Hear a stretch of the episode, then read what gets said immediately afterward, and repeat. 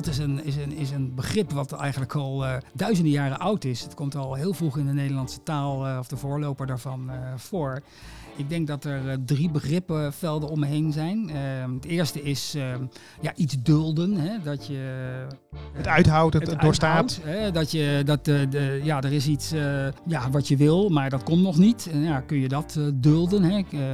of er is iets wat je helemaal niet wilt. bijvoorbeeld ontzettende hoofdpijn. En je hoopt dat het, dat het overgaat, maar ja, dat, dat duurt nog even. Het tweede is een combinatie van geduld met standvastigheid. Bepaalde geestkracht ook, Ja, een bepaalde geestkracht. Volhardendheid. Hè? Dus als je, als je gaat studeren bijvoorbeeld, dat je, ja, dan krijg je vast met, uh, met uh, moeilijke boeken, nieuwe literatuur te maken. Ja, dat heb je niet een, in één keer onder de knieën.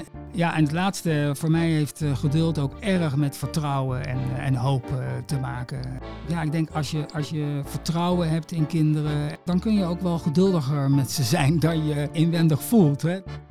We horen pedagoog Joop Berding, met wie ik in gesprek ga over pedagogische taal, naar aanleiding van zijn boek Tussen geduld en ongeduld.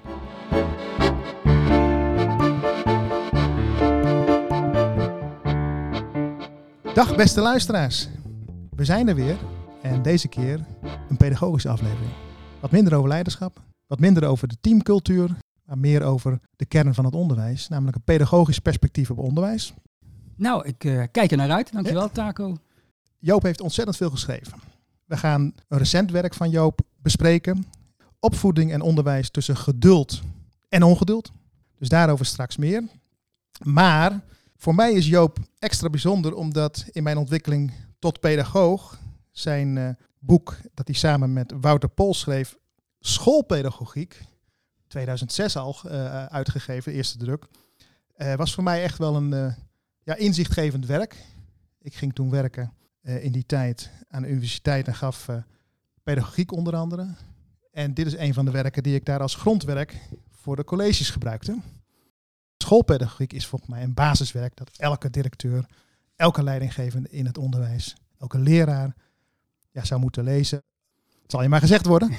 Ja, dat is natuurlijk erg leuk om te horen, Taco. Dat is, uh, ja, dankjewel ja. daarvoor. Ja. Maar we zijn natuurlijk ook heel erg geïnteresseerd, uh, want ik ken je nu al een beetje en ook van je werk, maar niet iedereen. En welke bron heeft jou nog sterk beïnvloed uh, in jouw uh, professionele ontwikkeling?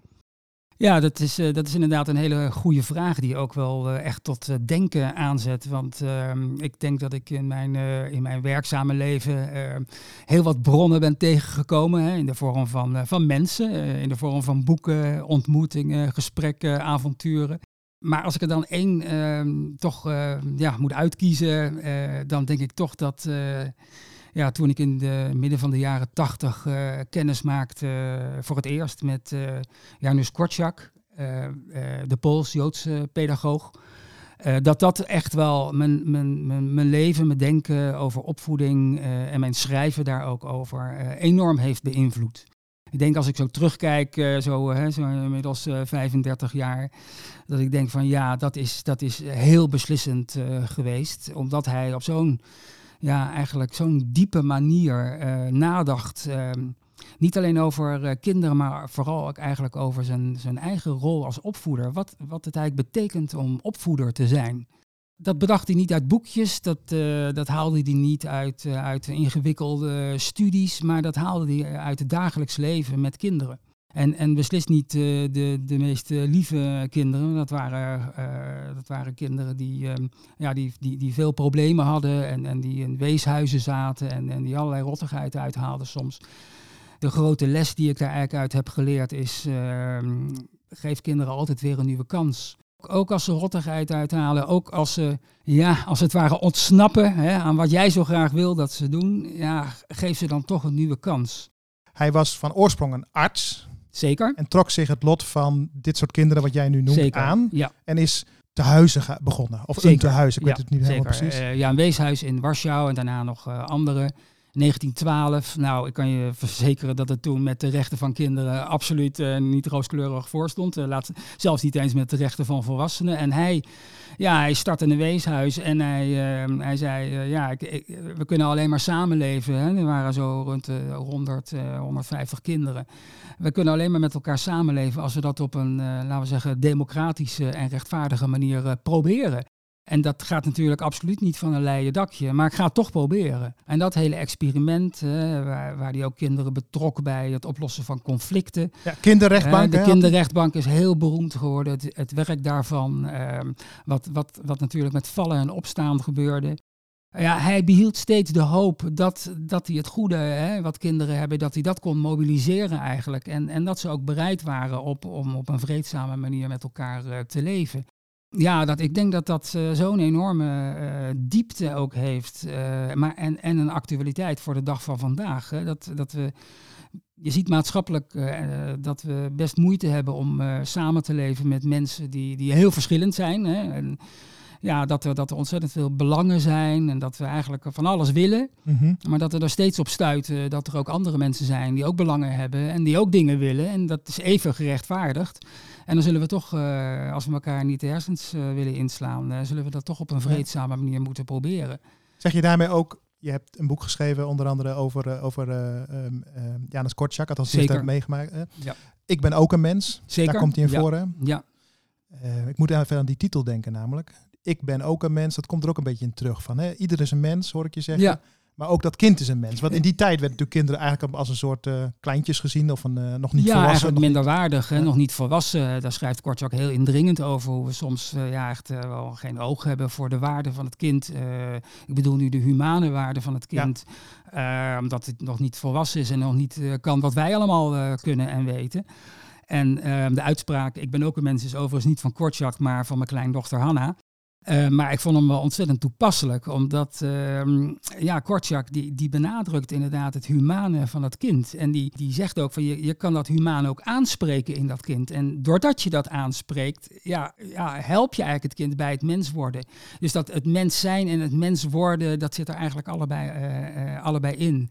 Ja. En, en ja, hij geeft daar um, denk ik ook um, hele goede handvatten als het ware voor, om, om dat ook in de praktijk te brengen. Dat het niet alleen maar een, een mooi ideaal blijft. Ja. Maar ga aan het werk met kinderen en probeer het uit. En, en kijk wat ze allemaal kunnen. Ja, en je zegt dus mens zijn, mens worden. Hè? De, uh, de, zou je kunnen zeggen, het paradox. Aan de ene kant is iedereen die geboren wordt per definitie al een mens. En tegelijkertijd weten we ook, we zijn opgroeiende wezens. Ja. Uh, we moeten volwassen worden. Ook als je zogenaamd volwassen bent, Ja. blijft die vraag staan. Ja. Hoe word ik uiteindelijk mens? Ja, en dat is, uh, als ik dan even iets, iets, even iets leen van mijn, een van mijn andere ja, belangrijke inspiratiebronnen, Hannah Arendt. Uh, die zegt eigenlijk van ja, je, je, je wordt nog, uh, nog voor een tweede keer geboren. Ja. Hè? Doordat je na je biologische geboorte, ja, je komt ter wereld. Uh, maar je tweede geboorte is dat je wordt opgenomen in een gemeenschap. Hè, die voor je gaat zorgen en die met jou gaat praten en interacteren. En zo word je eigenlijk mens die ook kan deelnemen aan de wereld. En dat vind ik ook een, uh, naast uh, Kortjak, die, die natuurlijk wel meer oog heeft voor het echt pedagogische dan Hannah Arendt. Vind ik dat, dat ook dat hele idee van worden opgenomen in, een, in de mensenwereld, dat vind ik een echt een hele fundamentele pedagogische gedachte. Ja, en je zegt echt pedagogisch. Uh, Kortjak richtte zich meer op kinderen van, van, van 0 tot 16 bij wijze van spreken. En Hannah Arendt schrijft voor alle mensen. Hè? Dus zo versta ik dat. Ja, Hannah Arendt is natuurlijk echt een politiek denker. Die ja. ook wel uh, overigens een, een, heel belangrijk artikel heeft geschreven. De crisis in de opvoeding uh, uit de jaren 50. Mhm. En daarin maakt ze zo duidelijk dat, ja, dat de opvoeders ook echt verantwoordelijkheid moeten nemen. En, en overigens niet alleen voor het kind, hè, maar ook voor de wereld. Die dubbele verantwoordelijkheid, die tekent eigenlijk de opvoeder. En dat, is een, dat vind ik ook zo'n ja, indringende gedachte. Dat je, hè, dat je inderdaad je niet alleen bekommert om dat kind wat je onder je hoede hebt, maar dat je ook zorg hebt voor de wereld. Ja, en dat je in feite dan uiteindelijk met z'n, eh, als je met, in z'n drieën afmaakt, de ouder heb je, de wereld en het kind. Zeker, ja. ja, ja, ja. Zeg je daar even, nee, ik zal het anders formuleren. In deze tijd kunnen we soms wel zo kindgericht zijn, als ouders, als opvoeders, soms, soms ook als scholen, dat de vraag richting de wereld of volwassenheid wat uit het oog raakt, laat ik het zo Mhm. mm -hmm. zeggen. Herken je dat ook, dat we ook te kindgericht kunnen zijn? Nou, het is zeker een, een, een, stroming, ook het kindgericht onderwijs, wat, wat, wat laten we zeggen, ook als je het historisch bekijkt, behoorlijk krachtig was en nog steeds is. Um, ja, ik denk dat het in de, in de opvoeding, uh, laten we zeggen het onderwijs, uh, eigenlijk helemaal niet om het kind uh, gaat. Um, je kunt niet echt het kind centraal stellen.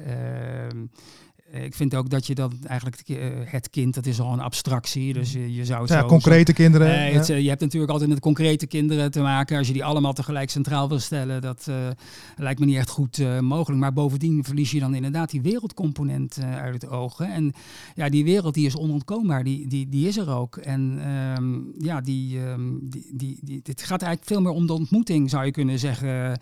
Volg ik eigenlijk mijn derde belangrijke inspiratiebron. Dat is mhm. John Dewey, de Amerikaanse filosoof en pedagoog.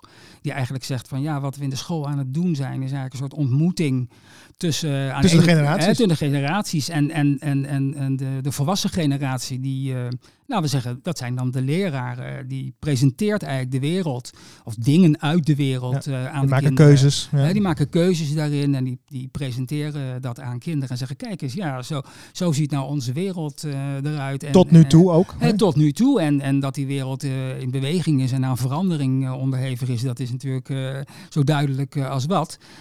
Ja, maar het is wel uiteindelijk de, de, de, de, wat we belangrijk vinden uit de cultuur, eh, wat we overdragen, of in ieder geval presenteren aan kinderen. En het is aan hun uh, om er uiteindelijk iets mee te doen. Dat is denk ik ook een uh, pedagogisch gezien een fundamenteel inzicht. Dat ja, wij, wij, als volwassen generatie en als opvoeders kunnen eigenlijk alleen maar dingen aanreiken aan kinderen. En het is aan hen om er iets mee te doen. Hè? Om, het, om het als het ware te affirmeren, hè? Te, te omarmen en te zeggen, ja, dat, dat wil ik ook. Hè? En dat, ik denk dat dat gewoon ook heel, heel praktisch is. Van ja, ik, ik wil die sommen leren maken. Of ik wil um, uh, de, de, geografie van dat land leren kennen. Of nou ja, noem maar op. Hè, uit al die schoolvakken. Dat kunnen wij er niet inhameren. Dat moet het kind zelf doen uiteindelijk. Uh, maar het is wel die ontmoeting. Je moet kinderen wel leren wat er allemaal te koop is. Uh, en uh, ja, wat, ja, wat zij uiteindelijk ermee doen, dat is aan hun. Ja een pedagogisch principe dat, dat aan de ene kant wordt er wat overgedragen, aan de andere kant is er een kind actief om daar aan de slag mee te gaan. En voor beide moet ruimte zijn, hoor ik zeggen. Ja. En ik koppel het ook even aan die drieslag van, noem ik even de ouder, de leraar aan de ene kant. Tweede kant zie je dan uh, de, de wereld en derde kant zie je het kind. Het gaat steeds over die wereld. We, we wijzen met elkaar naar die wereld, ja. zowel de oudere generatie als de jongere generatie. En dat maakt dat het een, een voortgaand uh, proces is. Nou, zeker. En ik vind het wel interessant dat je ook zegt, we wijzen op die wereld. Want uh, dat is natuurlijk de wortel van het hele begrip van onderwijzen. Hè? Je wijst iets aan. Uh, dat, dat zie je ook. Kijk maar eens uh, op Google afbeeldingen en dan onderwijs. Mm -hmm. Ik denk in, in 9 van de 10 plaatjes die je dan te zien krijgt, zie je een onderwijzer of een onderwijzeres of een, een leraar of een docent zie je iets aanwijzen. Dat is heel frappant. In die wereld bij wijze In die wereld. Ja. Hè? en het is natuurlijk een gerepresenteerde wereld. Ja. Het, is, het, is een, het is een plaat, een film, een afbeelding. Ehm, eh, getallen, alles uit die wereld, zeg maar. Eh, het gaat steeds om wijzen en er vervolgens ja, uh, betekenissen aan hechten. En, en dat is natuurlijk het onder van onderwijzen. Van ja, wat, wat zit er eigenlijk onder? Hè? onder, onder wat zien we eigenlijk als we daar kijken? Eigenlijk, ja. ja. maar niet alleen wat we zien, maar ook wat betekent het. Ja. Hè? Dus uh, zeg maar, uh, als okay. de, de, empirie met de betekenis samen. Dus als je inderdaad die, op dat smartboard iets uit de werkelijkheid laat zien. Ja, wat stelt het voor? Wat is het? Nou, is eigenlijk een heel klassiek pedagogisch uh, aanschouwelijk, aanschouwelijk onderwijs. Aanschouwing uh, komt zo uit de 19e eeuw. En dat je vraagt naar, aan kinderen, ja, maar wat, wat betekent ja, dit nou eigenlijk volgens jou? Dus kijken, waarnemen, maar tegelijkertijd ook die taalgemeenschap, wat betekent het? En als leraar kun je dan ook betekenissen aandragen. Zo van, hé, hey, in de geschiedenis werd er zo naar gekeken. Maar tegelijkertijd is het ook van belang, en wat en steeds die beweging. En wat, wat zie jij? Ja, en, wat, betekent dat volgens precies, jou? Precies, en wat, en wat zegt het voor jou? En, en uh, misschien even een beetje zwaar gezegd, maar toch, welke plek ga jij dat gewoon geven in je leven? Ja, de, ik denk inderdaad dat uh, wat we allemaal aanreiken, dat moet toch op de een of andere manier een plek krijgen in het leven van die kinderen. Ja. En, en dat, dat zal misschien, te, nou dat zal zeker niet met alles lukken, maar met sommige dingen wel.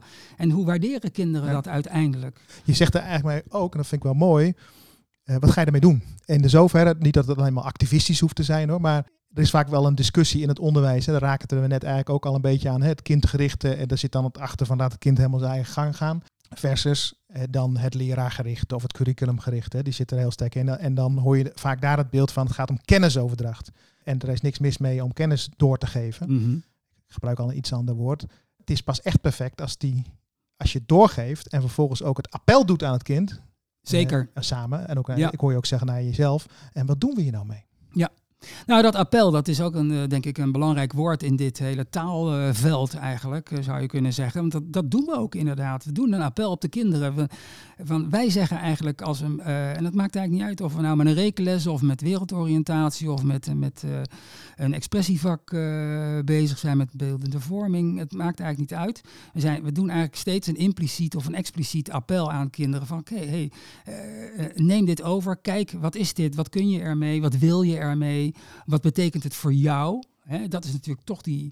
eh, Dat is misschien wel de pedagogische hè, vraag de- bij dat- uitstek. Ja, want nou ja, daarom eh, terecht dat, eh, dat dat natuurlijk ook eh, aandacht krijgt binnen, de, binnen het hele eh, eh, begrip van subjectificatie. Dat, wat betekent uiteindelijk voor jou? Ja. Dus niet voor iedereen of voor alle man of voor een onbekende. Nee, echt voor jou. Ja.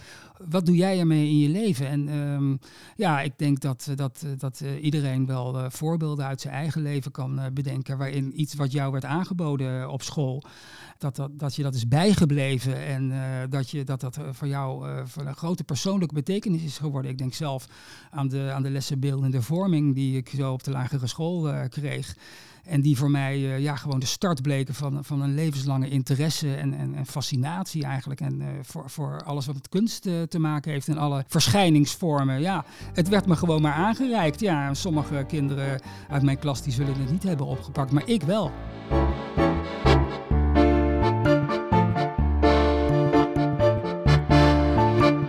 En zo komt er bijvoorbeeld in de school wat op je pad.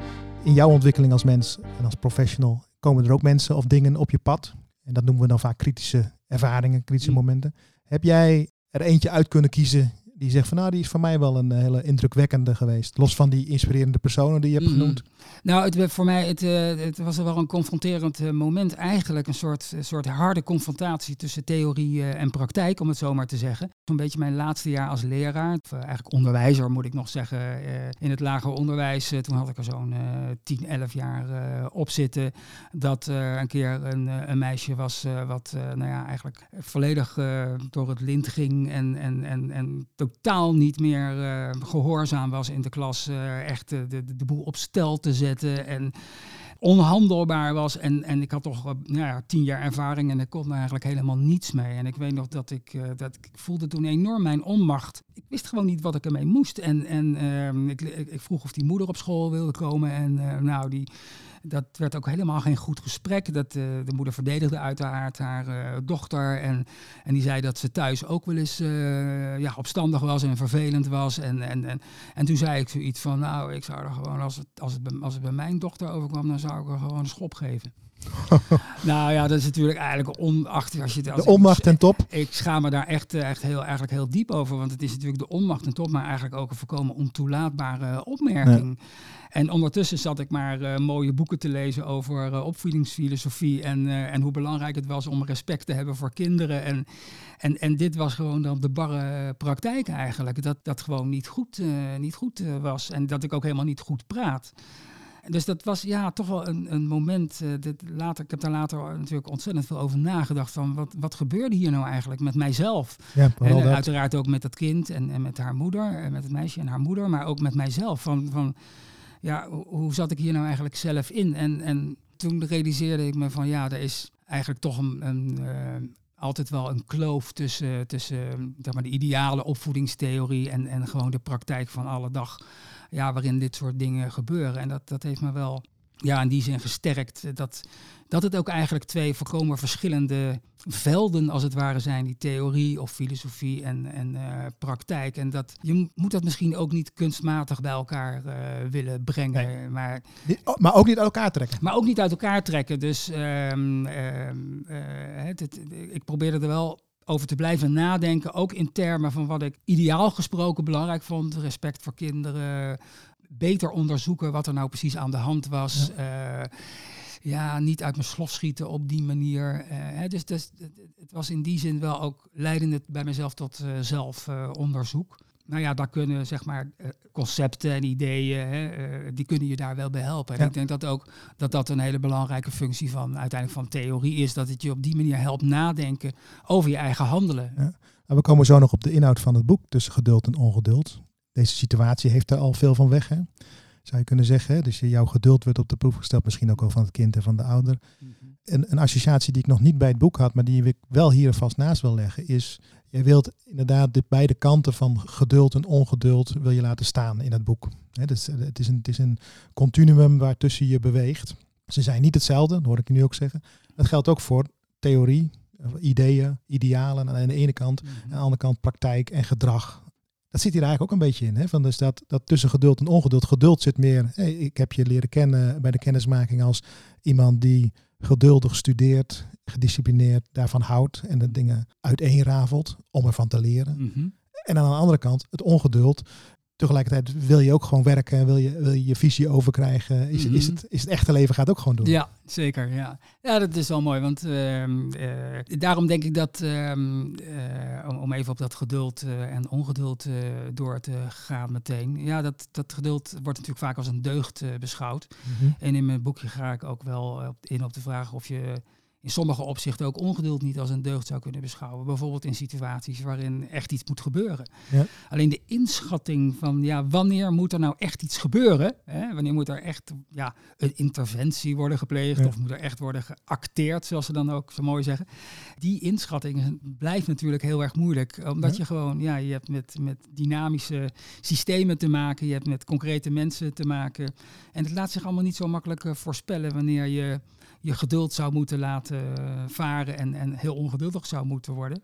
maar in ieder eh, geval is, heeft het iets met die reflectie te maken. Maar het heeft zeker ook met reflectie te maken. Kijk, en, en natuurlijk lerend vermogen. Hè? Als, je, als je weet dat, uh, nou ja, dat uh, een soort, ja, als, je gelijke, als je gelijke gevallen zou meemaken. Ik denk als, als ik nou, wij spreken daarna uh, in, uh, met dat, met, waar ik zo uit mijn slof uh, schoot, als ik, als ik de week daarna bijvoorbeeld een soortgelijk iets bij de hand had gehad, dat ik me al, al, heel anders had opgesteld. Want ik kreeg het natuurlijk gewoon ook keihard terug van, ook van die moeder, van ja, dit, dit kan eigenlijk helemaal niet. Nee. Dat had ze gewoon groot gelijk in. Hè? Dus um, ja, dat, ehm, ik denk dat het willen leren van, van de situaties waarin je terechtkomt, dat dat ja, is uiteindelijk natuurlijk toch ook een belangrijke professionele kwaliteit, om het zo maar te zeggen.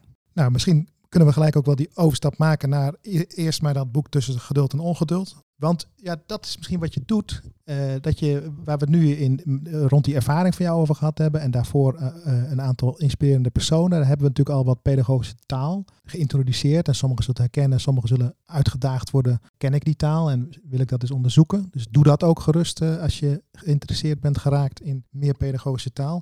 Maar dat is eigenlijk ook wat je op het onderwerp tussen geduld en ongeduld doet. Dus als pedagoog en dan met gebruik maken van pedagogische inzichten en pedagogische bronnen en pedagogische casussen. Er komen mhm. heel veel casussen en mensen in voor, leraar.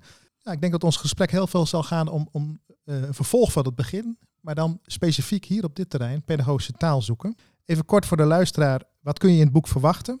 Joop die uh, begint een kleine taalkundige zoektocht. Waar komt dat woord geduld nou vandaan en welke betekenissen zijn er? En zijn we die betekenissen misschien ook langzaam wat uit het oog verloren? Uh, hij gaat dan ook enkele levensbeschouwelijke tradities, boeddhisme, islam en het uh, katholiek christendom. Dus het naastleggen. Zijn eigen traditie zou je kunnen zeggen waar die vandaan komt. Dan uh, komen er ook wat literaire bronnen, waar vooral het misgegaan is met, de, met geduld en ongeduld. Als ik het goed zeg, Al-Ghalidi en het, het gedicht van, van Eiken, De Tuinman en de Dood. Maar het mooie vind ik, aan het eind komt hij op een dichter die mij aan het hart gaat, dat is Rielke. Met het prachtige eh, gedicht over dat we uiteindelijk geduld moeten hebben met de vragen waarmee we leven. En dat ons eigen leven dat leeft. Dus dat is echt een positieve literaire bron over geduld en ongeduld. Vierde punt is dat hij alledaagse praktijksituaties uh, geeft. Ook van zichzelf. Waarin, uh, nou eigenlijk zo net deed je dat ook. Waarin je eigenlijk je geduld en ongeduld, ja, dat dat op de proef werd gesteld samen. Hoe ga ik reageren en welke reflectie heb ik erop? Die geef je ook vanuit de pedagogiek. Vervolgens wordt het filosofisch, wijsgerig pedagogisch. Er worden wat filosofen en een politicoloog erbij gehaald. Onder wie, noem deze twee even, Cornelis Verhoeven en Joke Hermsen. Hoe die vanuit een eigen taalveld iets over geduld of ongeduld of die thematiek zeggen. Eh, dan gaat hij naar de praktijk, hè, want die beweging van theorie en praktijk zit ook gewoon volgens mij helemaal in Joop zelf. En heeft hij heel nieuwsgierig acht ja, leraren, pedagogen, mensen uit dat pedagogische veld, uit PO en VO, heeft hij uh, ja, bevraagd, denk ik gewoon, hè, met een aantal vragen. En die heb je uitgewerkt, die staan in het boek. Um, en bijvoorbeeld met kernvragen van, is geduld nou een, inderdaad een deugd of een kernwaarde voor het onderwijs? Uh, maar ook de grote vraag, is het zinvol om, ik zeg even weer, op te voeden tot de geduld? Of, hè, want in die levensbeschouwelijke tradities werd dat altijd van belang gevonden. En tot, tenslotte geeft hij een aantal persoonlijke conclusies en bevindingen. En die zullen we dit gesprek ik ook wel uh, uitpakken.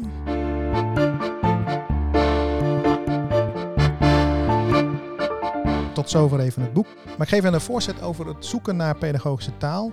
En ik wil jou vragen, uh, uh, Joop, om eens één of twee van de woordparen die ik uh, zo meteen ga noemen, er eens uit te pakken. Zeggen, ja, daar wil ik wel eens over zeggen. Dat, dat is echt iets waar ik mijn boek mee kan ontsluiten, waar dit thema ehm, ja, beter van wordt. Um, ik heb namelijk zelf zitten kijken tussen geduld en ongeduld, tussen, je zou kunnen zeggen, deugd en ondeugd. En je hebt gezegd, ondanks dat het een ondeugd is, dat dat wel allebei erbij hoort. Je kunt ook andere woorden gebruiken die steeds die heen en weer gang maken.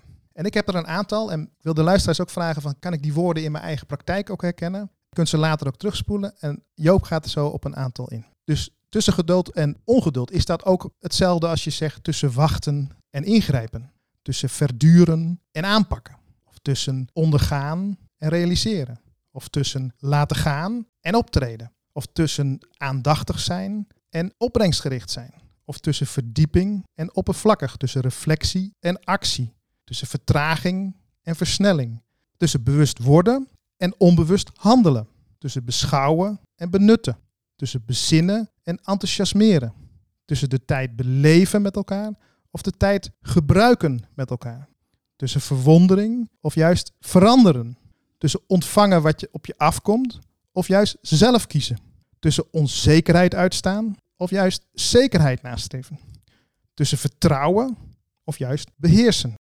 Tussen verlangen of juist zelf willen. Tussen hopen en verzekeren. En tenslotte tussen compassie en geweld. Allemaal woorden die bij mij resoneerden doorheen alle hoofdstukken.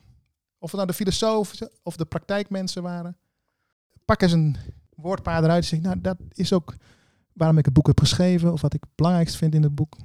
Ja, om te beginnen een uh, indrukwekkende uh, catalogus uh, bijna van uitdrukkingen, hè, van woorden, allemaal met hun eigen betekenissen en, en geschiedenissen en, en, en, en, ook herkomst, hè, vaak, vaak al heel oud, net als het woord geduld zelf. Waarin eigenlijk steeds een, eh, een tegenstelling inderdaad uh, wordt geformuleerd. Uh, en ik denk dat uh, de, de grote, ja, wat, er, wat er eigenlijk steeds in zit, dat is een, een, een, tegenstelling tussen um, ja, iets actief doen of meer passief ondergaan. Ja. dat is eigenlijk de, wat, wat, wat al die begrippen die je noemt, van wachten en ingrijpen, van uh, van laten gaan of juist optreden, van uh, vertragen en versnellen. Um, wat, wat die uh, gezamenlijk hebben. En ik denk dat dat eigenlijk, um, dat is heel interessant, want het zijn natuurlijk al die woorden, al die begrippen die je noemt, zijn natuurlijk allemaal geworteld in menselijke ervaringen. Hè? We kennen mhm. allemaal inderdaad het wachten. We, we kennen ook het, het, versnellen. We kennen uh, het ingrijpen. We kennen, hè, we kennen het ontvangen, maar we kennen ook het geven. Hè? Het, en het een bestaat eigenlijk niet uh, buiten het ander. Hè? Zoals het donker en het licht. Het licht bestaat dankzij het donker en het donker bestaat dankzij het licht. Het zijn op de een of andere manier begrippen die steeds bij elkaar horen en die iets uitdrukken van uh, onze menselijke mogelijkheden. Wij hebben het vermogen om te wachten. Alhoewel ik denk, uh, dat is wel ook een, toch ook een rode draad in mijn boek, dat dat vermogen wel erg op de proef uh, wordt gesteld. Ja, we zijn daartoe nog steeds in staat, denk ik. En we zijn ook wel in staat om, om, om dingen te doen, om in te grijpen, om actief te zijn ja, neem zo'n neem zo'n uh, begrippenpaar als uh, laten gaan of optreden. Hè. Dus er zijn, zijn er kinderen die zijn ruzie aan het maken op het speelplein. En uh, nou, een hoop lawaai erbij, een hoop kluwen van allemaal gedoe. En meteen sta je als, als pleinwacht sta je gewoon voor de vraag, laat ik dit gaan of ga ik optreden? misschien kijk je het nog even aan en dan zie je dat het toch wel eigenlijk twee vriendjes zijn die een beetje aan het dollen zijn. Of je kijkt nog eens goed en je ziet dat het eigenlijk meer een spel is dan een vecht, gevecht. En dan denk je, nou, dat, dat komt wel goed. Maar misschien als je collega die, die net stage loopt op school en die denkt van, oh, wat, wat, wat overkomt me nou? Die rent er naartoe en die zegt, hou op met dat, met dat vechten. dus ervaring en, en, en ja, kennis en, en ehm, ja, misschien ook wel dingen durven laten gaan. dat versus ingrijpen omdat je denkt van oeh, als daar maar niks vervelends gebeurt en uh, wat kan er allemaal gebeuren? En dan komen ze bij mij en dan vragen ze waarom heb je niet ingegrepen? Herkenbaar voorbeeld. Ik grijp nu ook even in, zo maar te zeggen. Want ik wil je twee dingen, twee leeservaringen ernaast leggen. De eerste is dat ik doorheen het boek ook proef dat zoals wij dat nu even gebalanceerd naast elkaar zetten als twee polen waar, waar tussen je heen en weer gaat. Mhm. Zo proef ik in het boek dat er ook schrijvers zijn, denkers en ook wel ervaringen. Die zeggen, ja, we leven wel in een context en een tijd dat we misschien dat passieve en dat ontvangen en dat wachten, dat we dat toch wat als mensen, jij en ik ook hoor, maar gewoon we als samenleving dat wat verliezen en dat we geneigd zijn uh, voor, dat, voor de actiemodus te kiezen. En ook dat in onze systeemwereld, dat ik het zo maar even noemen, ook voor ja, instrumenten en ingrijpen wordt gekozen. Ja, zeker. En dat wordt ook heel erg gewaardeerd. Hè? Dus als er een probleem is, um, iemand die zegt, nou dat gaan we aanpakken, die wordt meer gewaardeerd uh, dan iemand die zegt, nou, we moeten gewoon nog eens even goed uh, bekijken hoe dat nou eigenlijk zit. Ja. En dus die, die activiteitsmodus, uh, zoals Cornelis Verhoeven dan zegt, dat, dat activisme, dat is iets wat in onze samenleving erg wordt gewaardeerd. En, en uh, ja, als je dat combineert met de enorme versnelling die natuurlijk de laatste jaren is opgetreden in eigenlijk van alle, ja, eigenlijk alles zo'n beetje. Hè. Uh, ik heb zelfs geen eens tijd om een podcast te luisteren. Bij nee, wijze nou ja, dat, bij wijze van spreken. Dat, uh, dat, maar goed, de, kijk, de podcast die wordt nog online heel snel bezorgd. Maar ja. ja, als, je, als je op je pakje zit te wachten, dan lijkt het wel of het uren en dagen duurt. Hè. En ook omdat ehm, ja, toen de COVID-pandemie uitbrak, opeens een heleboel dingen niet meer uh, binnen de beloofde 24 uur uh, werden bezorgd. Uh, ja, dat, uh, dat, daar hadden sommige mensen toch behoorlijk last van. Maar die versnelling die kent geen einde. Hè. Er wordt nu geadverteerd met boodschappen bestellen en binnen 10 minuten thuis bezorgd. ik ben erg benieuwd of, ze, of dat bedrijf wat dat aanbiedt, of dat inderdaad daadwerkelijk gaat waarmaken. Maar nog helemaal los daarvan. Dat hele idee dat als je nu iets wil, dat je dat ook binnen 10 minuten hebt is ook heel typerend voor onze tijd. En dat kan je nog allemaal, als je het vanuit economisch gezichtspunt bekijkt of vanuit logistiek gezichtspunt, dan kan je nog zeggen, nou ja, oké, dat is in, de, in, onze digitale wereld, uh, waarin dingen nu eenmaal ontzettend snel kunnen. Daar gaan we er ook op rekenen dat ze zo gaan. Dus dat hele verwachtingspatroon is daarop afgesteld. Maar voor mij ontstaat er echt een probleem wanneer je dat gaat toepassen op de opvoeding en, en op het onderwijs. Ja, maar dat zou mijn tweede vraag zijn namelijk. Hè? Dus eh, is het zo, nou je, je, je geeft in ieder geval maatschappelijk-economisch zit er een versnelling in, geef je aan. Maar het tweede is, hoe moeten we dat waarderen? Inderdaad, als we meer vanuit maatschappelijk, menselijk en uit pedagogisch oogpunt kijken. En ik moet even hier aan denken. Michael Sandel, de Amerikaanse Harvard uh, hoogleraar en auteur, die in uh, een van zijn boeken, Niet alles is te koop, fantastisch duidelijk maakte. Met een onderzoek in, um, ik geloof in Israël, over de kinderopvang. Zitten we toch ook in ons gebied, alleen dan meer in de commerciële kinderopvang. Waar die het voorbeeld geeft dat eerst moest je gewoon op tijd komen om je kinderen af te halen. Je had op een gegeven moment om vijf uur of zes uur of zeven uur haalde je kinderen op en dan moest je er zijn, want dan ging de kinderopvang dicht. En als je te laat was, dan bleef er altijd wel één leidster hangen. Maar dan, dan voelde je je schuldig om die uh, kwartier later te komen. Daar hebben ze een oplossing gevonden. Namelijk een versnelling en economisering door te zeggen van we gaan gewoon boetes. Elke vijf minuten dat je te laat bent. Maar toen kwamen dus de ouders, gingen erop reageren. Door te zeggen, oh als het toch te laat is, kan ik ook om negen uur komen. En dan betaal ik het wel. En hij zegt dus van willen we dit als mensen? Want daarmee, in zijn voorbeeld, gaat de sociale interactie en de, en de morele waardering gaat weg. Ja. Hoe waardeer jij het als pedagoog als die tendens zich doorzet? Nou, ik denk dat uh, dat, dat, uh, dat, dat, dat voorbeeld wat Sendel geeft, dat, dat geeft inderdaad aan dat uh, degenen die het kunnen betalen geen moraliteit meer hoeven op te houden. Ze kunnen moraliteit afkopen. Ze kopen het in feite af. Zoals je inderdaad, ehm, als je geen zin hebt om tijd aan iets te besteden, dan koop je het inderdaad af. Dat zijn de, hè, de, de priority lanes bij het vliegen enzovoort. Daar geeft Sendel ook hele mooie voorbeelden van. En dat is, dat is inderdaad de harde realiteit van de economie voor degenen die het geld hebben. Maar zo willen we inderdaad toch niet opvoeden, inderdaad. Dat is, dat is, dat is een wezensvreemd iets aan de opvoeding. Omdat opvoeding per definitie een langzaam proces is. Het duurt gewoon heel lang voordat ehm, we uiteindelijk ook zeggen van nou, nu ben je, hè, nu ben je als het ware zelfstandig, je bent volwassen, je mag, je kan, ja, als het ware on your own, kun je de wereld in. Zeg je dus ook de opvoeding, kun je, of, het opgroeiproces en het opvoedproces, dat heeft wezenlijk iets in zich waardoor je het niet kunt versnellen? Nou, je kunt zeg maar aspecten daarvan kun je natuurlijk zeker versnellen. Uh, je kunt, uh, je, maar, dat vind ik meer uh, als het ware bijna behavioristisch trekjes dan krijgen. Natuurlijk kun je, nou ja, je, je kunt kinderen sneller leren spellen of sneller leren rekenen of sneller leren wat, ook, wat, wat maar ook te doen.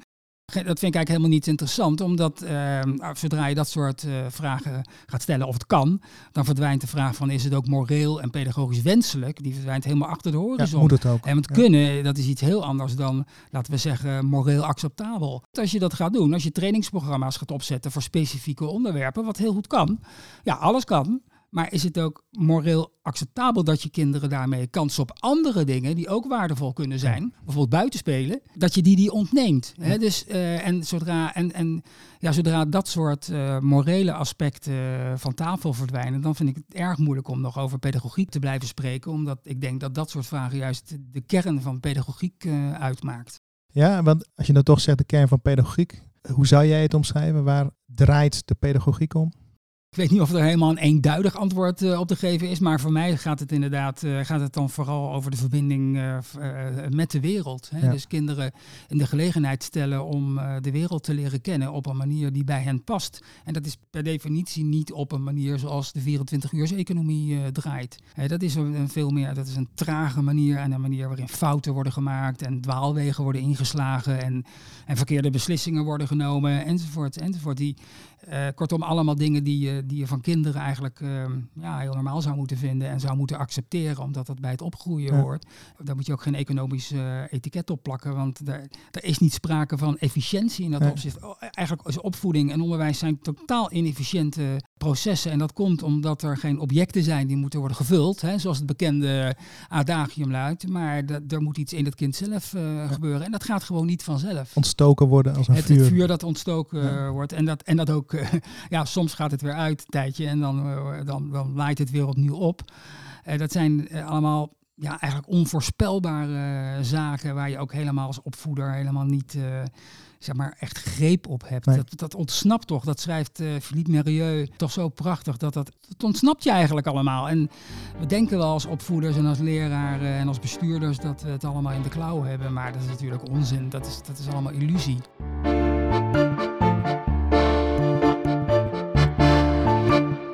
Nee, maar daar zeg je iets dat denk ik wezenlijk is, ook aanvullend of verdiepend aan wat je zegt over wat pedagogiek is. Het is duidelijk pedagogiek, althans in jouw visie en in de meeste pedagogen die dat wel zo zeggen, is dat kinderen opvoeden tot zelfstandige volwassenheid. Hè? Uh, uh, zelfstandig en verantwoordelijk Langeveld. Ja. Uh, en dat is een lange, langzaam proces. En wat we vaak vergeten, dat is wat langzamerhand vergeten is, dat dat een inwijden in de wereld is. Ja. Hè? Inleiden en inwijden. Ja. Maar nou komt met die laatste zin die uitspreken, van, dat, spreek jij ook een een wereldvisie uit van hoe de wereld in elkaar zit. En als we teruggaan naar die woordparen van mij, of die ook dus door het boek heen zitten. En als je dus ze zou isoleren van elkaar, dus de linkerkant en de rechterkant mm -hmm. helemaal los zou maken. En je zou daar twee wereldbeelden van maken. Dan is het wereldbeeld aan de rechterkant, het activistische wereldbeeld. Als jij als volwassene, als ik, als jij, als wij allemaal de wereld om ons heen zien als iets waarin we kunnen ingrijpen, dan is dat ook de wereld, denk ik, bedenk ik nu, die we dus de kinderen voor gaan houden. Maar op het moment dat wij de wereld hebben daar sta, aan die kant sta ik, dat de wereld, naast dat er maakbare aspecten zijn, maar dat er op de essentiële punten in het leven, liefde, dood, uh, vriendschap, uh, werk soms ook, dat het eerder op je afkomt en dat het een ontvangen is en jouw subjectieve antwoord geven als, als kind en als, ja. als mens. Ja. Dus als ik zo daarop zit te filosoferen, het heeft dus ontzettend te maken hoe wij die wereld zien. Ja, nou dat is inderdaad. En dat, dat, dat klopt wel, denk ik. En nu is de wereld natuurlijk ook een plaats waarin we allerlei dingen doen. Ja. Dat, is ook, dat is ook prima. Zo, uh, zo scheppen we ook een, een wereld uh, met elkaar. En, en hopelijk wordt het, uh, wordt het een betere wereld. Die hoop moet je natuurlijk ook altijd blijven houden.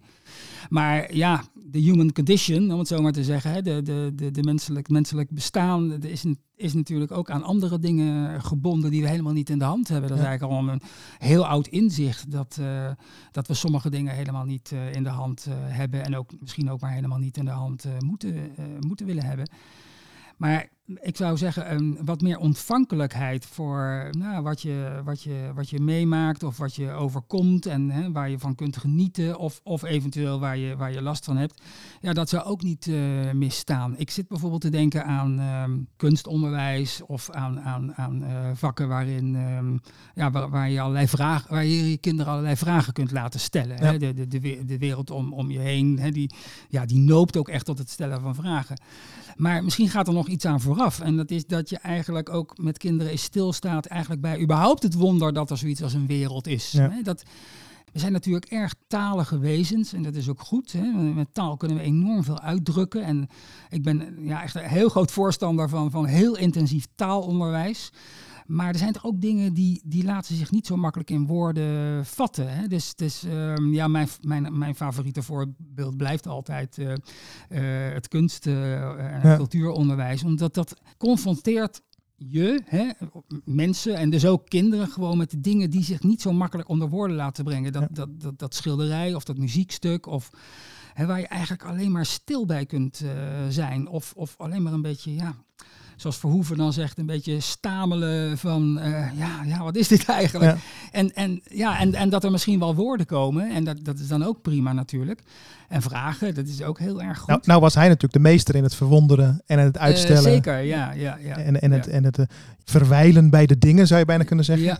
Ik moet bij dit voorbeeld dat je geeft ook denken aan Joke Hermsen, die de beschrijft, die veel mensen ook zullen kennen, met name van uh, het begrip paar Kairos en Chronos. Hè. Ja. Zou je ook zo in het lijstje kunnen zetten. Hè. De Zeker. Kairos uh, als ja. hè, de plei, pleidooi voor tijdsbeleving. En uh, dat gaat ook inderdaad door, door ruimte te maken, door gesprek, door ja, stilte. Hè. Dat is de tijdsbeleving voor haar Kairos. En Chronos staat dan meer voor de voortikkende tijd en de doelen stellen. Ja. En zij is overigens daarin uh, held wat meer over naar we moeten, we moeten dat terugwinnen. Ja. He, dus de, je noemt Cornelis Verhoeven als een van de eerste. En dat is de gebalanceerde, rustige denker. Mm -hmm. Die niet op de barricade zou gaan. Uh, en als hij het doet, dan zou hij het ook nog op zo'n manier doen dat het ook nog wel heel rustig eruit ziet. Hè? Hoewel die ook venijnig kon zijn. Nou, of.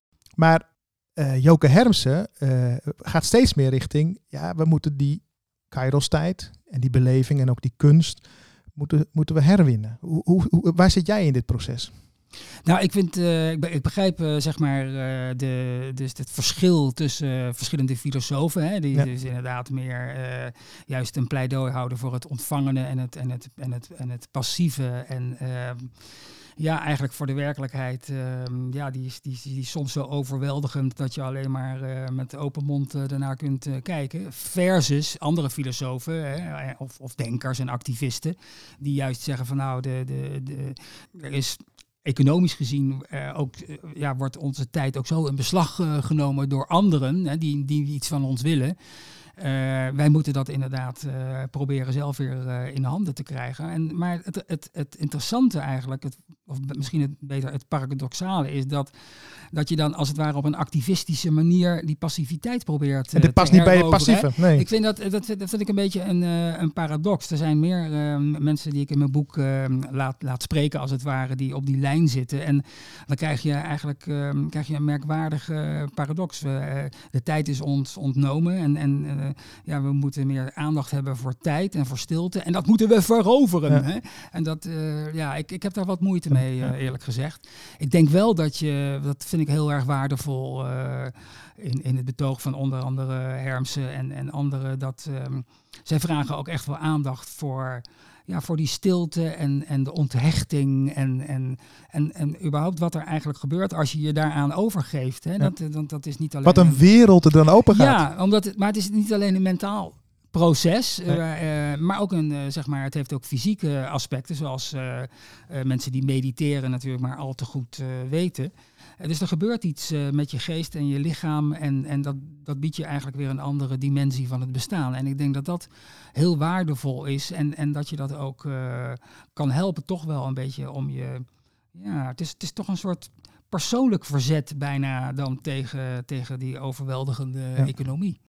Nu op je persoonlijk verzet, want een tweede gedachte die ik zo net had toen jij daarover sprak, was uh, een van die praktijkvoorbeelden uit het VO. Ik kom uit de VO, dus ik heb die er even uitgepikt. Er is een, uh, een, een, lerares, Frans geloof ik, die, uh, nou, die de tijd dus vertraagt. Hè, dus die, die, die tijdsbeleving van, van Kairos bij wijze van spreken mogelijk maakt in een pedagogische context.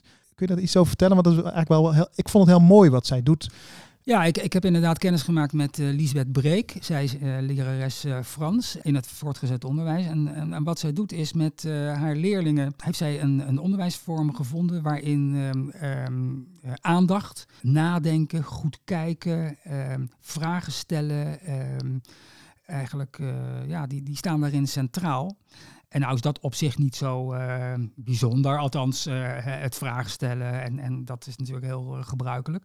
Maar wat zij doet, zij gebruikt um, prachtige foto's van Jeroen Swolfs, ehm, Cities of the World, die allemaal scènes laten zien in heel veel hoofdsteden van over de hele wereld, vaak in wat wij ontwikkelingslanden of derde wereldlanden noemen.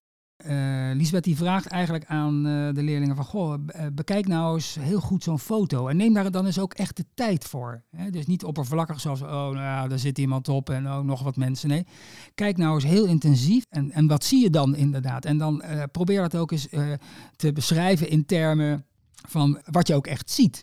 dus niet van, nou ja, ik denk dat het uh, dit of dat is. Dus een, bijvoorbeeld een scène langs de kant van de weg waarin, waarop mensen op de stoepen zitten en iemand anders die komt uit een bus en, en ja, is die misschien niet aan het uitdelen of iets dergelijks. Nou, we zijn al snel geneigd, uh, dat heb ik zelf ook hoor, om te zeggen van, oh, dat is vast uh, ja, iemand die deelt pakketten uit of zoiets. Maar dat is helemaal niet wat je ziet, het is wat je denkt. dus begin eens met aandachtig te benoemen wat je eigenlijk ziet. En daarna komt de fase van interpreteren en, en wat zou er aan de hand zijn. Ja, dan, dan kunnen de leerlingen daarover elkaar vragen stellen. En ze kunnen zich ook inleven in, um, in, in, iemand die ze op de foto zien. Hè? Dus bijvoorbeeld uh, iemand die daar op die, op die stoep uh, zit. Um, ja, wat zou die persoon denken? En, en wat zou de man die dus kennelijk die pakketten uitdeelt, wat, wat, wat zou die uh, voor gedachten hebben? En, en spreekt die dan eens uit? Ja. En wat, nou, wat ik het mooie daaraan vind, is, is, is de vorm, zeker. Want, ja, er zit er iets van de kunst in, hè? er zit a, iets Aanschouwelijk. Van, aanschouwelijkheid zit erin, daar zit uh, aandacht in, daar zit goede vragen stellen. Denken, verwonderen. Denken, verwonderen. Maar het gebeurt ook nog allemaal in het Frans.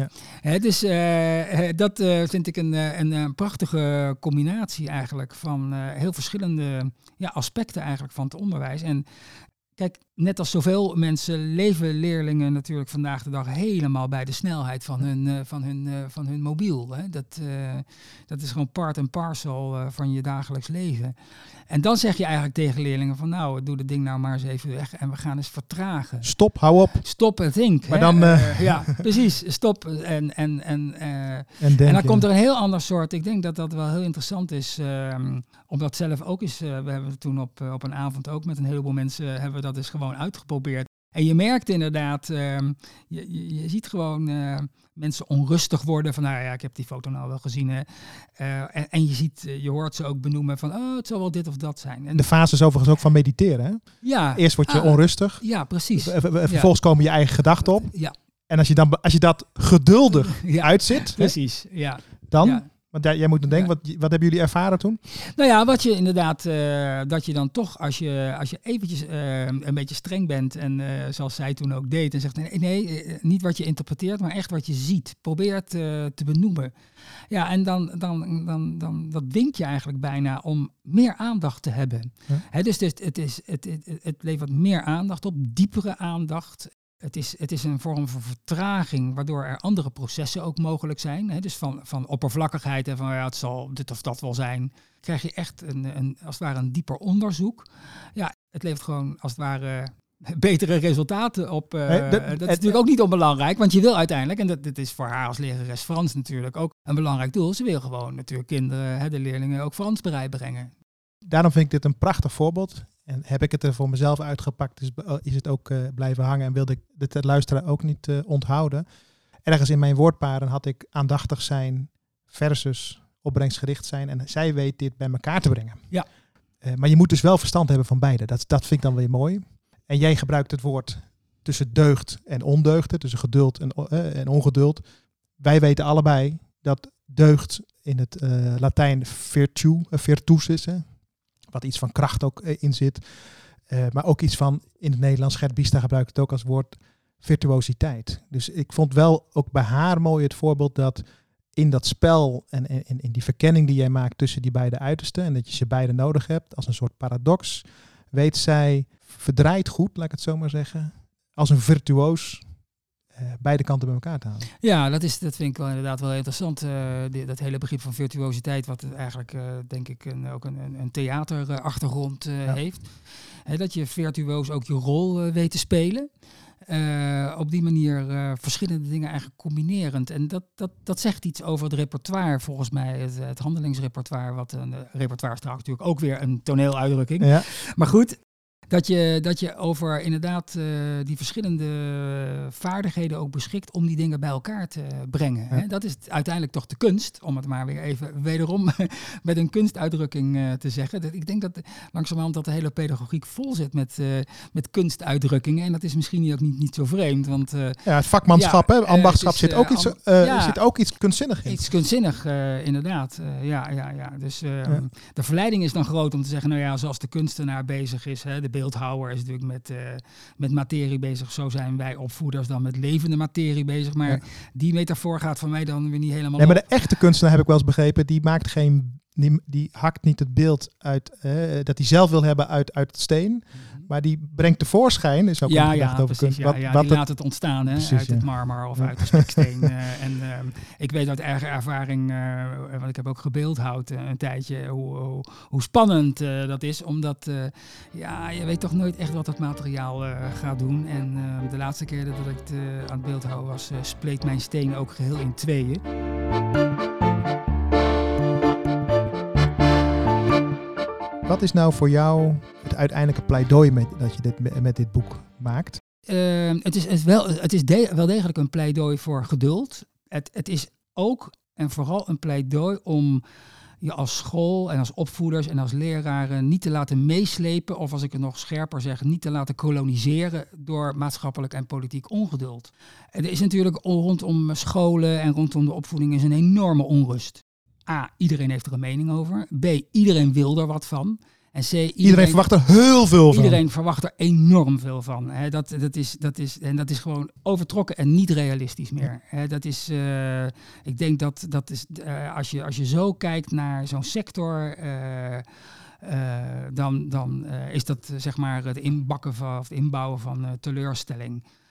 Zou je kunnen zeggen, hè, want ik zit even mijn lijstje weer erbij mm. te pakken. En dan noem ik eventjes voor, de, voor het effect even de, alleen de rechterkant. Dus, de, mhm. dus de, de, actieve kant van het lijstje. Mm Zou je kunnen zeggen dat die woorden bovenaan staan nu. Dat die eigenlijk het meest gelden.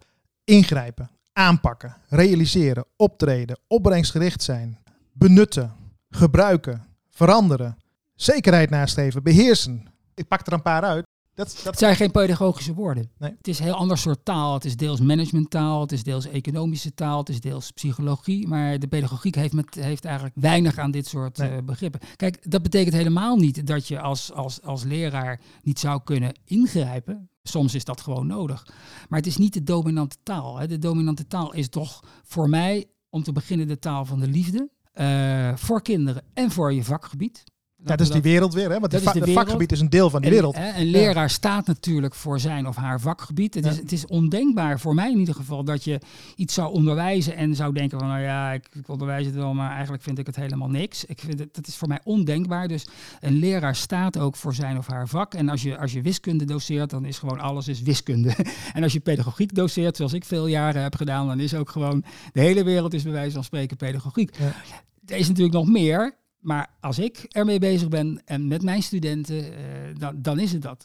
Ja. Nou, het dus liefde, hè? Liefde, dat, liefde, dat, zo noem je En het tweede is denk ik, uh, de, ja, wat ook iedere leraar zal herkennen, dat is ook vertrouwen in je leerlingen.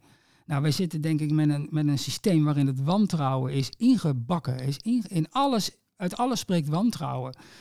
Ten opzichte van leraren, maar ook ten opzichte van leerlingen. Hè. Dus uh, dat is helemaal weer inge, ingeweven eigenlijk. Dat ons idee, en daar kom je allemaal in die woorden die je net opnoemde, van alles moet worden gemonitord en geprotocoliseerd en bijgehouden, want anders. Maar ik vind, uh, als, het, als het om opvoeden gaat en ook om onderwijs, is het fundamenteel uh, vertrouwen. En, en dat geldt ook wederom een vertrouwen in het eigen kunnen van de leraar. Er is geen enkele reden waarom leraren, uh, zeg maar, even heel, heel, heel, in het algemeen gezegd, aan zichzelf zouden moeten twijfelen of ze de dingen wel kunnen die ze, die ze gewoon, uh, die ze, die ze, die ze moeten doen. Dus ze zijn goed opgeleid. Ze hebben, als het goed is, hebben ze heel wat meegekregen. Hopelijk hebben ze, uh, als ze beginnen, goede begeleiding. Nou, we weten op zich dat dat niet altijd het geval is en, en dat het tot uitval leidt. Het is doodzonde. Uh, ik denk dat er ook goede voorbeelden zijn van uh, samen opleiden, waarin, dat, uh, dat waarin mensen die gewoon dat potentieel hebben, dat die behouden kunnen blijven. Dus dat, dat is prachtig. Je moet ook wel een beetje inderdaad in jezelf vertrouwen en, en in jezelf geloven. en, en, en zonder geloof in kinderen wordt het natuurlijk helemaal niks. En als derde denk ik ook de hoop. Hè? Dat is toch ja, pedagogiek van de hoop. Ook, ja. dat is toch ook wat uh, Kortjak mij heeft aangereikt. Van uh, ja, ook al we gaan kinderen misstappen of ook laten ze erbij zitten. Toch moet je als opvoeder de hoop blijven koesteren dat het goed komt. En, en ze ook uh, steeds nieuwe kansen bieden. He, dus ja, geloof, hoop en liefde, ja, dat zijn toch de drie pijlers waarop uiteindelijk de opvoeding rust. En ik zou daarbuiten, heb je natuurlijk zaken aanvullend eigenlijk, hè, van, van ja, waartoe voed je op? Hè? En, en, en, en, en, en je weet natuurlijk dat kinderen subjecten zijn en dat je, dat je ze niet moet volgieten. En dat is, maar dat is eigenlijk allemaal, ja, dat komt er eigenlijk allemaal nog bij als het ware. Hè? Dus, uh... Geloof, hoop en liefde. Dat is geloof dan in de zin van vertrouwen. Hè? Dus die, ja. die, die middels die ze, liefde voor de, voor de leerlingen en het vak. Ja. Uh, en hoop. Als je alleen al aan kinderen, aan nieuw leven denkt, hè, ja, dan is natuurlijk precies. al, is dat al ja, hoop. die nieuwe kansen, die, die, die, ja, die, die, dat is toch, dat wordt belichaamd uh, door kinderen. Ik vind ook dat, dat heeft Hannah Arendt heel mooi gezien.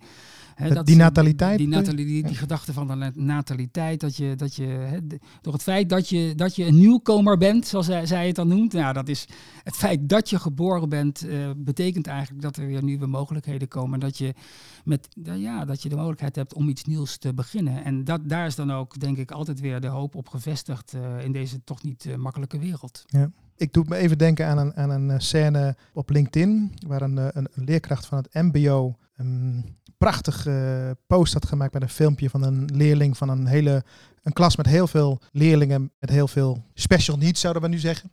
Alles zijn geslaagd en zij, zij deelt haar passie voor die leerlingen en het vak. Daar reageren tot mijn vreugde heel veel mensen op. Het is sowieso commentaren, meer dan 900 zag ik van de week al. Hmm. En het viel mij ook op, ik heb er ook op gereageerd. was iets van uh, dat ik zei, ja, liefde en inhoudelijke toewijding. Wat meer heb je als leerling en als leerkracht nodig. Hmm. Dus dat, dat Ja. komt even kant in me op. Ja, mooi. Tweede wat bij me opkomt, is, en misschien heb jij hem daar ook voor je, is het eh, uit je boek, dat het misschien samenkomt, geloof, hoop en liefde, zei je net, hè, in, ehm, in dat gedicht dat ik al eerder noemde, van Rielke. En een deel van dat gedicht sta, heb je in het boek eh, gedaan. Zou je Ja. dat eh, ter, ter afsluiting willen lezen? Want daar komt denk ik heel veel samen wat we hebben gezegd. Ja, ik, ik, laat ik beginnen met te zeggen dat ik dit gedicht kreeg aangereikt van Hester IJsling, eh, waar ik er heel dankbaar voor ben. Heb maar geduld met al het onopgeloste in je hart en probeer van de vragen zelf te houden, als gesloten kamers en als boeken die in een hele vreemde taal geschreven zijn. Zoek maar niet naar de antwoorden die een ander je niet kan geven. Het gaat erom alles te leven. Leef nu maar die vragen. Misschien leef je dan, langzaam maar zeker, zonder het te merken, op een dag het antwoord in.